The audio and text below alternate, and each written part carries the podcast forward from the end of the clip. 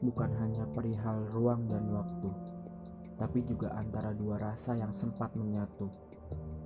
Kali ini, aku memilih berhenti di tempat ini, bukan karena tak tahu arah, lalu menyerah, bukan juga karena aku lelah, bukan karena rasa yang hilang, tapi karena sudah tak tahu lagi tempat pulang. Aku tahu tidak akan ada cerita yang benar-benar selesai, hanya ada rasa yang bingung bertempat di mana tanpa usai.